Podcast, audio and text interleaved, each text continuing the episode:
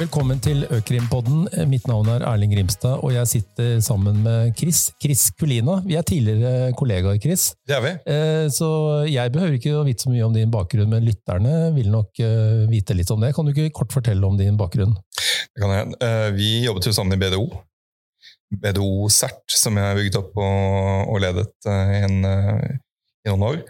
Uh, før det så, um, så, hadde jeg jobbet i offentlig sektor, i helsesektoren og ikke minst i Nasjonal sikkerhetsmyndighet og håndtert digital spionasje og målrettede angrep.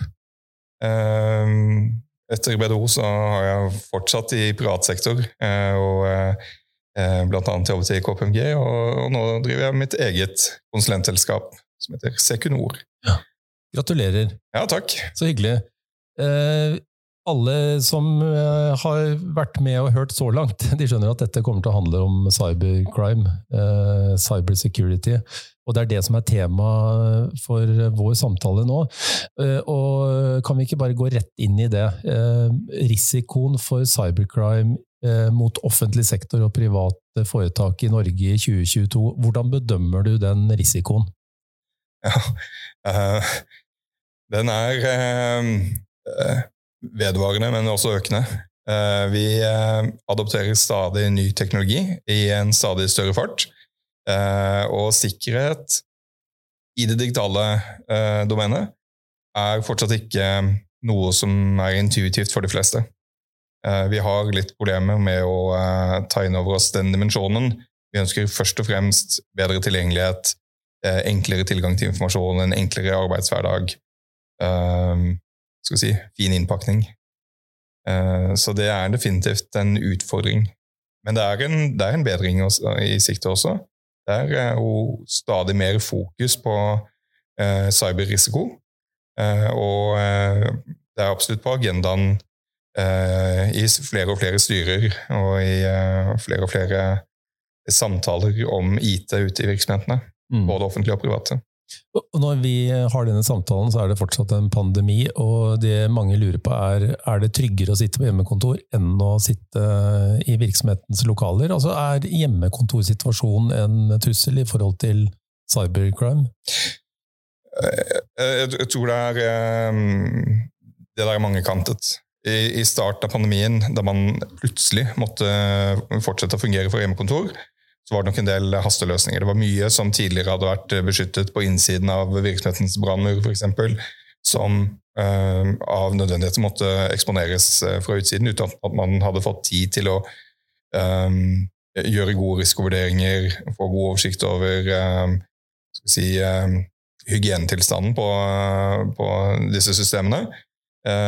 så vi hadde nok en, en, en tilstand av økt eksponering av sårbarheter eh, i, i, starten av pandemien, som kanskje i noen grad er eh, dekket opp for nå. Eh, en annen side av det er eh, skal vi si, tryggheten du føler i ditt eget hjem. og Det har vi jo snakket om også før pandemien. Det å jobbe hjemmefra, det å svare på litt e-poster på laptopen, fra sofaen foran TV-en, litt sånn innimellom familietid. Eh, man føler seg sjelden truet, man føler seg sjelden utsatt når man er i den situasjonen. Um, og det uh, Spesielt når det gjelder hva skal jeg si, de menneskelige faktorene som ofte utnyttes, de menneskelige sårbarhetene som ofte utnyttes i, i cyberangrep, um, så er nok det definitivt noe som gjør seg gjeldende. Mm. Det er lettere å få deg til å reagere ved hjelp av reptilhjernen din mm. eh, når du ikke føler deg truet. Mm. Og så kjenner vi jo begge situasjoner, kanskje først og fremst i norske kommuner, hvor noen ansatte tenker at nei, det, den datamaskinen jeg bruker på jobb i kommunen, den funker ikke noe særlig godt. Jeg bruker heller min egen. Så tar de med sin egen private maskin og kobler seg opp på jobben, og så er det hipp som happ om man er på privat domene eller eh, virksomhetens domene. Det er klart, eh, bruken av skygge-IT eh, det er definitivt eh, noe som bør være på agendaen hos eh, alle, altså både offentlige og private virksomheter. Eh, og det er, det er en utfordring. Eh, ikke bare det å ha kontroll på informasjon, virksomhetens informasjon, men også det å ivareta evnen til å si, beskytte enheten, brukeren. eh, alt det som behandles av informasjon. Og det å, å, å ha oversikten, da. Vite tilstanden. Mm. Uh, eventuelt oppdage at uh, en sikkerhetshendelse har inntruffet, og at uh, data kanskje er på avveie, f.eks. Så um, skyggehette er et, et, reelt og alvorlig problem. Mm. Mm. Og når vi snakker om risikoen for kommuner og private foretak, så er jo mange kjent med disse såkalte CEO-fraud-tilfellene hvor en som har en, eh, gjerne en enefullmakt til å disponere over eh, virksomhetens konto, tror vedkommende får en beskjed fra leder eh, om at du er den eneste som må vite at vi skal gjennomføre en transaksjon her. Du må utløse de pengene til betaling fort som fy. Eh, og så er det en svindler som har utkledd seg for å være leder. Så det er en type trussel vi, vi er godt kjent med. Og så er det også disse tilfellene hvor serveren og datasystemene blir låst ned, og du må betale løsepenger for å få, få løst, eh, løst, det opp. Er det andre sånne type hovedtrusler som du, du ser? Ja, Det er jo en variasjon av den siste du nevnte. hvor for løsepengeproblematikken den uh, baserte seg nesten utelukkende på kryptering av data, og at du måtte betale for å å låse opp data igjen for å kunne bruke data. Um, trusselaktørene, om det er noe de er gode på, så er det å tilpasse seg um, landskapet rundt seg og, og, og forholdene som, sånn som de utvikler seg. Og uh, de har nok vært veldig bevisst på at økende bruk av skytjenester med litt innbygget versjonering av filer har bidratt til at virksomhetene lettere kan gjenopprette data, og så klart også fokuset på ransomware eller løspengevirus som trussel har jo også ført til at eh, langt flere i dag enn for eh, tre-fire-fem år siden har gode backup-løsninger og backup-rutiner. Mm. Um, men det er jo også da ført til den utviklingen som nå er på en måte den, den eh, rådende modus operandi, er eh, at i tillegg til at data krypteres, så eksfiltreres eller altså stjeles data.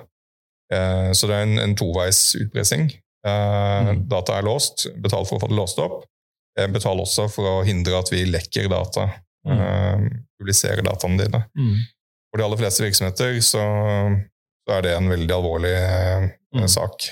og alle har noe de ikke ønsker at skal komme ut. Ja, et eksempel på det er en hotellkjede som for ikke veldig lenge siden uh, hadde nettopp uh, en sånn type lekkasje av opplysninger, og uh, hvor man så for seg at noen ville presse folk for opplysninger om at de hadde bodd sammen med en person på et rom på hotellet som de kanskje ikke skulle ha bodd sammen med. Mm. Så man kan jo tenke seg veldig mange varianter av det. Mm. Hvis vi går litt ned i puddingen, så å si, eh, hva er det norske kommuner eh, og foretak eh, blir utsatt for i Norge? Kan du gi noen eksempler? Jeg vet jo at du har vært borti bra mange hendelser, og vært den som den Ghostbusters-personen som man har ringt til når, har, når det har vært krise. Hva, er det som, uten å nevne navn på noen av dine oppdragsgivere, hva er det som skjer, hvordan arter dette seg? Ja, um, for, for, de det gjelder, så, så, er det jo det verste de har stått i eh, kanskje noen gang. Eh, for mange så er det um, første kontakt med en ordentlig eh, cybersikkerhetshendelse. Og, og for de aller fleste så er det jo starten på en veldig bratt læringskurve, men også en som til tross for at den kanskje skal flate litt ut, så vil den vedvare en, en god stund.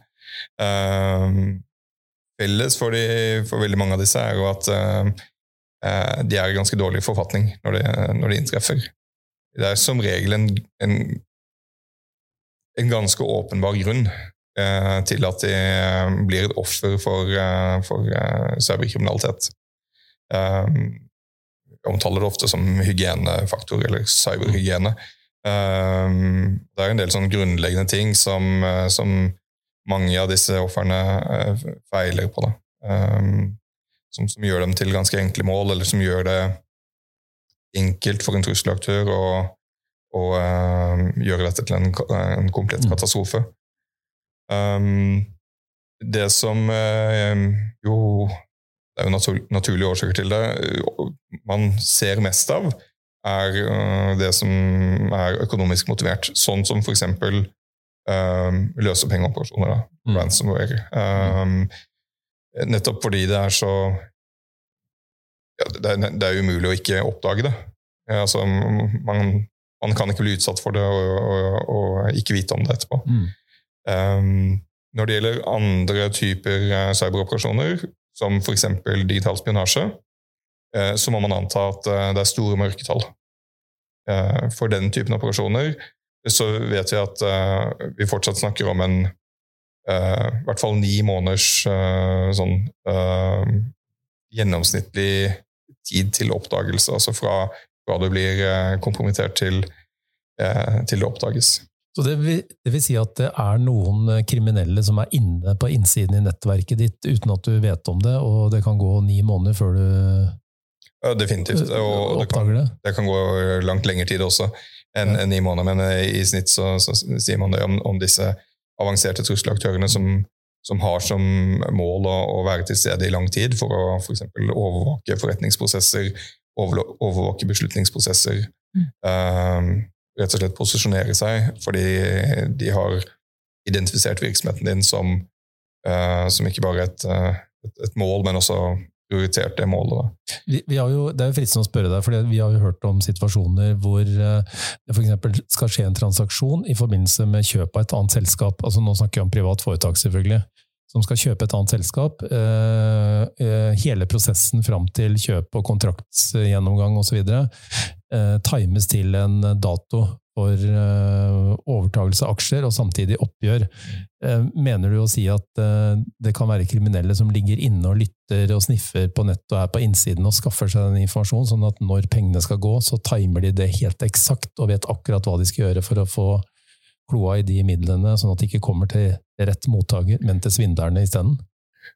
Um, hvis du nå tenker på uh, f.eks. Altså noe som er likt uh, CEO fraud-saker uh, osv., så, videre, så kan det jo være at uh, så store uh, transaksjoner kan være vanskelig å, å slå kloa i. Da, Fordi det er mer bevissthet, kanskje fra flere i virksomheten, rundt, rundt sånne transaksjoner. men vi ser det definitivt i altså, hva skal jeg si, amatørutgaven av det i de aller fleste eh, CO fraud-saker, hvor eh, virksomhetene stort sett eh, rammes tilfeldig. Her klarte man å få tilgang. Man får tilgang til f.eks. en administrerende direktørs e-postboks. Og i jeg tror nesten samtlige saker av CO fraud-typen som, som, jeg har vært borti, så ser man en metodisk gjennomgang av e-poster, eh, hvor altså ressurslaktør søker etter ting som eh, faktura, overføring, kontrakt osv. Eh, for å finne gode kandidater for eh, videre utnyttelse. Det kan være alt fra å identifisere en personlig bankforbindelse som, som, man kan sende e-post til og be om overføring fra. eller pågående prosesser, det å lære seg altså intern sjargong i selskapet for å eh, legge mer eh, kredibilitet til eh, kommunikasjon med la oss si en i regnskapsavdelingen eh, og vedkommende til å eh, mm. agere og, og, overføre penger som, mm. som anvist. Men det er klart, er det snakk om virkelig store, store summer, eh, store verdier, så er det egentlig bare fantasien som setter grenser for hva en en uh, konkurrent kan egentlig gjøre. Um, eller en, en trusselaktør som ikke er konkurrent, som bare er mm. økonomisk motivert. Alt som trengs i disse typene operasjoner, kan kjøpes som tjeneste. Mm. Man trenger ikke å være um, uh, si en statlig etterretningstjeneste eller, uh, eller uh, ha den tekniske kunnskapen selv. man trenger riktig type moral, Eh, gjerne lav, eh, og nok kapital til å kjøpe disse tjenestene for å utføre ganske avanserte operasjoner. Mm. Så moralen er pass på forretningshemmelighetene dine hvis ja. du er i privat sektor? Har du digitale informasjonsverdier, så må det passes på, rett og slett. Ja. Ja. Før vi slipper helt dette med CEO offroad, og vi har jo litt erfaring fra det begge to, Chris. fordi at de som blir utsatt for det, vil jo gjerne spore opp pengene, få tilbake midlene. Eh, og de forsvinner jo fortere enn fy eh, rundt omkring i verden. Kan du si litt om det? Hvilke erfaringer har du om eh, det å tilbakeføre og klare å få tilbake midler som har forsvunnet som følge av en sånn CEO-fraud som vi har snakket litt om nå? Ja, Der er jo evnen til å oppdage dette så fort som mulig veldig avgjørende. Det å altså, jobbe mot tiden. og det vi i hvert fall har sett tidligere, er at å få få involvert uh, myndighetssiden uh, og få uh, si, utnyttet hvitvaskingsregelverket til å, eller antihvitvaskingsregelverket til å få stoppet transaksjoner før de når nasjoner og banker som ikke kanskje ja, føler seg så underlagt dem til regelverk. Det er ekstremt viktig. Mm. Så ehm, det, det, det, spiller jo egentlig hen til eh, nettopp eh, si, ulike sikringstiltak som bør være på plass. Alt fra menneskelige når det gjelder bevisstheten til de ansatte, det å, så fort som mulig kunne eh, oppfatte, innse at man har kanskje gjort noe dumt, og, og varsle om det. Til tekniske uh, sikringstiltak som gjør det mulig å oppdage at uh, her er en ansatt i, i ferd med å bli lurt, eller her eh, går det kommunikasjon som, eh, som ikke er riktig. Mm. Um, det, er, det, er, helt avgjørende. Mm. Um, og, og, heldigvis, bl.a. som følge av hvitvaskingsregelverket, så har jo en del banker faktisk klart å stoppe penger på mm. vei til en svindler. Eh, fordi at de ser at dette er mistenkelige forhold. De stopper en transaksjon, de varsler mm. Økokrim, og man får tak i pengene før det går faktisk videre til svindlerne. Så Det er jo de eh, hyggelige historiene. Da. Men mm. ellers, når pengene først går til utlandet, så er det svært vanskelig å få de tilbakeført eh, til eh, der de hører hjemme, på den kontoen de skulle vært på.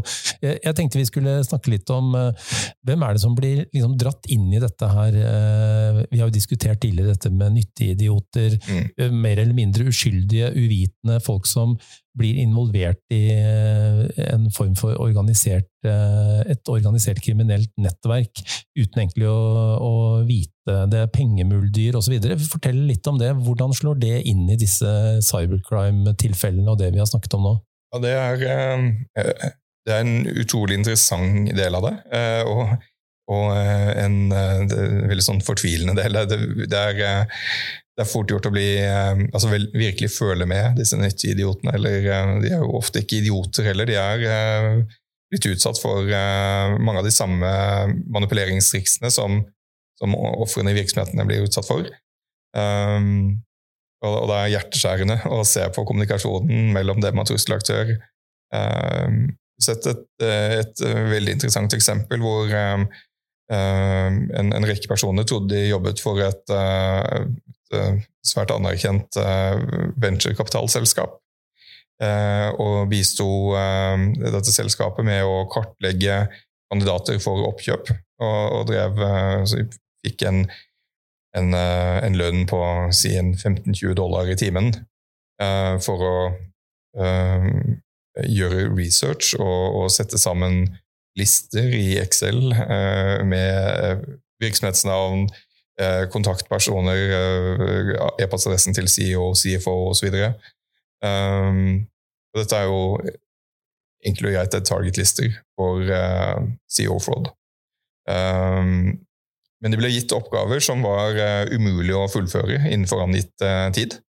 Uh, så når da Kall det en handler, vedkommende hos trusselaktør, som, som, har kontakt med disse uh, money-mulesene, muldyrene Når vedkommende tar kontakt dagen etter og, og ber om det ferdige produktet, så må de beklage og si at jeg har bare så vidt klart å begynne på det. Det er så mye. Beklager, jeg jo ikke blitt ferdig. Uh, og Da får de beskjed om at uh, det er ikke godt nok. Hvis du vil jobbe for oss, så må du jobbe hardere. Da må du jobbe fortere. Men nok om det nå. Nå er vi i en situasjon som krever en helt annen oppmerksomhet. Nå driver vi med å fullføre en del oppkjøp. Vi trenger uh, hjelp av deg, for accounting er overbelastet.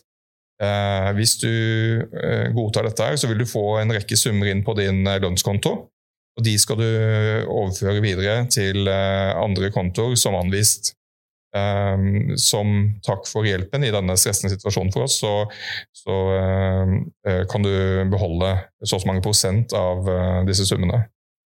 Det er jo en kjempeflott mulighet. Tusen takk for at jeg får muligheten til det. Selvsagt skal jeg hjelpe dere. Uh, man har blitt satt i en situasjon hvor man er, står, tror man er, står, står, i fare for å miste jobben. Man gjør hva som helst uten å tenke seg om. Pengene strømmer inn, penger blir flytta videre med en gang til andre kontoer. Gjerne da utenfor rekkevidde for eh, hvitvaskingsregelverk og sånn.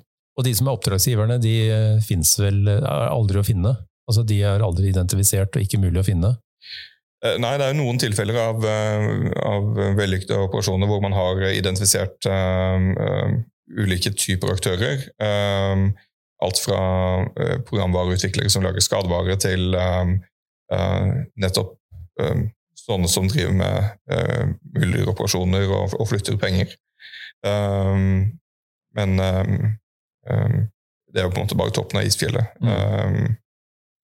dessverre. Og, og, dette er jo en form også for hvitvasking eh, av utbytte, fordi at du begår en uh, hendelse som tapper noen for midler. Altså Enkelt sagt, man begår svindel ved mm. hjelp av uh, uvitende tredjepersoner som tror at de har en reell eh, jobb, som du har forklart nå. Altså, i, i, hvilken grad er uh, i den hvitvaskingsoperasjonen, i hvilken grad er kryptovaluta involvert i disse transaksjonene, e, etter det bildet du ser eh, i saker du er inne i? Ja, det, det, var jo veldig interessant den saken hvor, hvor, disse personene trodde at de jobbet for et venturekapitalselskap. hvor de hadde søkt via en falsk jobbannonse til et firma med identisk profil som det reelle selskapet. Eh, flere av disse var jo også økonomistudenter, altså absolutt eh, ikke eh, nyttige idioter, mer bare nyttige og lurt inn i det. Eh, en av disse personene som, som jeg eh, hadde en oppfølging med i etterkant av en, en hendelse, hadde også utfordret trusselaktør um, og sagt at det dere driver med, er kriminelt. Jeg har gjennomskuet det. dette er ikke med på mer. Hvorpå trusselaktør, denne handleren, Uh, forholder seg helt rolig og sier uh, flott, uh, det er greit, men er du fortsatt interessert i å tjene penger? Ja, var jo for så vidt interessert i å tjene penger, og en grunn til at han hadde søkt jobb i utgangspunktet. Og fikk da beskjed om at da ville han få en overførsel av, av, penger til sin konto. Skulle han lage seg en konto på en kjent bitcoin exchange og så var det rett og slett å kjøpe bitcoin for penger som han fikk overført. Og så skulle de da uh, legges til i en spesifisert wallet. Um, så det var jo da uh, omsetting av uh, stjålne midler overført til uh, førsteleddet hos trusselaktør. rett til kryptovaluta for å kunne flyttes mm. enklere utenfor mm. systemet. Skjønner. Eh, og jeg tror mange som hører hva du har å fortelle, eh, de skjønner jo at når man blir utsatt for svindel, så er det på en måte tapt. Så det beste må være å forebygge. Og skal vi gå over til å snakke litt om forebygging? fordi at Du nevnte dette med cyberhygiene. Mm. Hva mener du med cyberhygiene? Ja, um, Det vi klassifiserer som sånne rene hygienetiltak, det, det er eh, ofte um, sånne enkle, glemte tiltak som det å eh, sikre at eh, ansatte har gode passord, f.eks. Mm. Uh, nå er vi i 2022. Ja. Uh, Tofaktorautentisering ja. og en engangskode på mobilen og sånn, det er helt åpenbart. Det, det må man ha. Uh, dette er vanlig nå. Mm. Så hvis ikke man har tofaktor i dag, ja, da skårer du lavt på i sin cyberhygiene-indeks. Og så passe på å oppgradere programvaren, antageligvis? Absolutt. Mm. Eh, det å holde operativsystemet oppdatert, det å holde programvare oppdatert. Um, her er det også mye veiledning å, å, å hente hos uh, sentrale myndigheter, f.eks. Nasjonal sikkerhetsmyndighet. Eh, ser man til eh, deres eh, topp fire eller topp ti-råd for, for, sikring av, av digitale informasjonsverdier, eller tar en titt på NSM sitt rammeverk som heter Grunnprinsipper for IKT-sikkerhet. Altså Nasjonal sikkerhetsmyndighet? Ja, ja. Nasjonal sikkerhetsmyndighet, mm. ja. Um, så er det en, en, mengde gode råd å hente der. og De samme rådene får du jo resirkulert uh, fra veldig mange kilder. Så det er jo ikke det at ikke denne informasjonen er tilgjengelig for virksomhetene. Det er jo rett og slett uh, ofte snakk om um, manglende modenhet, manglende fokus. Og, og, stort sett så, så, skriver det seg til ledelsesnivået, hvor også ansvaret for at dette at det følges opp, ligger. Så, så det er jo et, et, et mangkantet problem som ja, i stor grad uh, skriver seg til uh, forankringen av, uh, av, sikkerhetsarbeidet og håndteringen av cyberrisiko på linje med annen virksomhetsrisiko. Mm.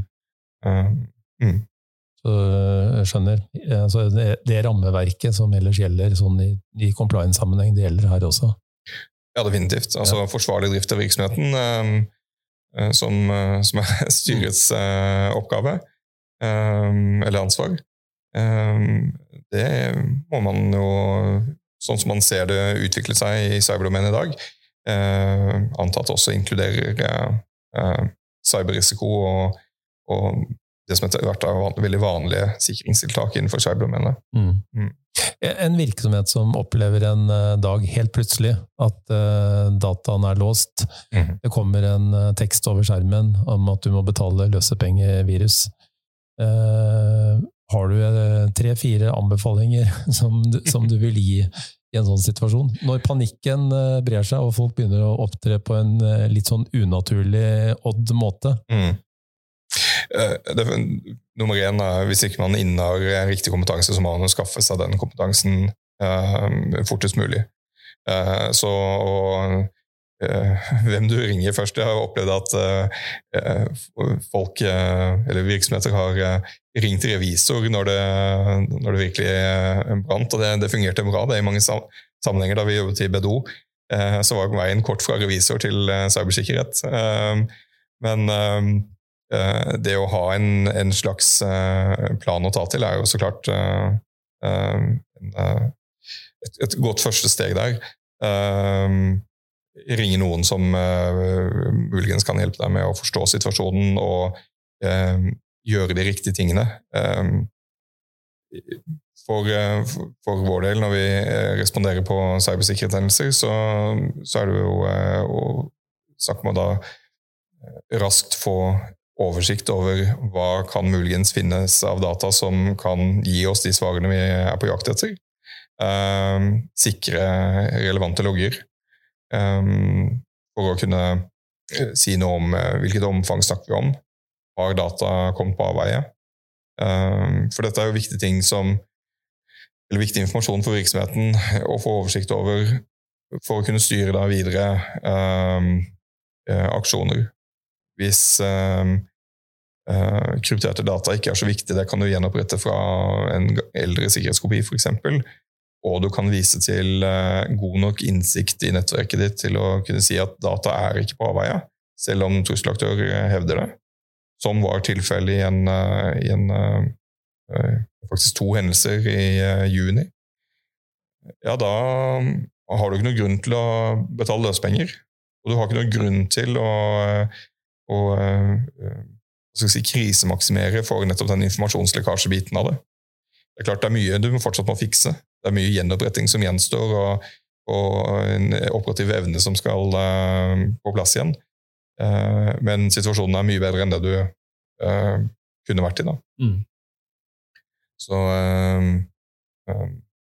få inn riktig kompetanse så fort som mulig for å styre hendelsen i mest mulig ufarlig retning. Det er viktig. Mm.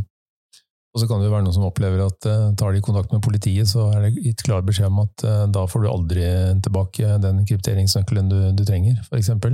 Så det er jo alle mulige trusler. og Vi, vi kjenner jo til virksomheter som faktisk har valgt å betale løsepenger, og som har holdt helt tett om hva de har vært utsatt for. Er det en smart måte å agere på? Uh, ja, det er jo klart det er jo uh, hva skal jeg si, En enkelte virksomhet som må, må, også gjøre noen vurderinger der, som, som har også si, rommet og muligheten til å, til å, nettopp gjøre sånne vurderinger. Eh, sånn På generelt grunnlag så vil jeg jo aldri råde noen til å betale løsepenger. Eh, det er jo støtte kriminell virksomhet, organisert kriminell, virksomhet. og I mange tilfeller så vet man ikke eksakt hva man støtter. Er det terrorfinansiering? Er det altså de annen grov kriminell virksomhet som finansieres ved hjelp av cyberkriminalitet? Det er jo noen etiske spørsmål som man, man, burde ha tenkt gjennom, i hvert fall. Så er det jo det at det er jo ingen garanti heller. La oss si data er blitt eksiltert, data er blitt stjålet. Betale noen å, som har dataene dine, for å hindre at, uh, at de blir uh, publisert. Uh, det er tilfeller, dokumenterte tilfeller av at virksomheter har betalt, og så har data blitt publisert i kveld. det har vært spekulert i om det har vært en sånn en, en, tabbe fra trusselaktørens side. De, de, de, vil nok uh, sjelden gjøre det sånn åpent, rett og slett for å ivareta et rykte og, og ikke motvirke fremtidige ofres vilje til å, til å, betale. Men det er også mange eksempler på at dataene som er blitt stjålet, som trusselaktører nå har, i liten grad er sikret på en god måte. Eh, noen har tatt en backup av eh, de sensitive opplysningene dine, kanskje. Eh, men du har ingen som helst idé om hvor de er, og hvor godt de er beskyttet. Og vi har ved flere anledninger funnet igjen gamle datadumper fra ofre og fildelingstjenester. Alt man trengte, var å vite den eksakte nettadressen til de stjålne dataene. Der lå de tilgjengelige for hvem som helst å nedlaste. Chris, det jeg egentlig hører du sier mellom linjene, er ikke stol på svindlerne. Nei, altså Ikke stole på kriminelle, det er jo nok en, en, en, en god leveregel. Mm. mm. Eh, Chris, tusen takk for at du kom til Økrimpodden. Eh, takk for samtalen. Dette tror jeg mange har hatt utbytte av. Takk.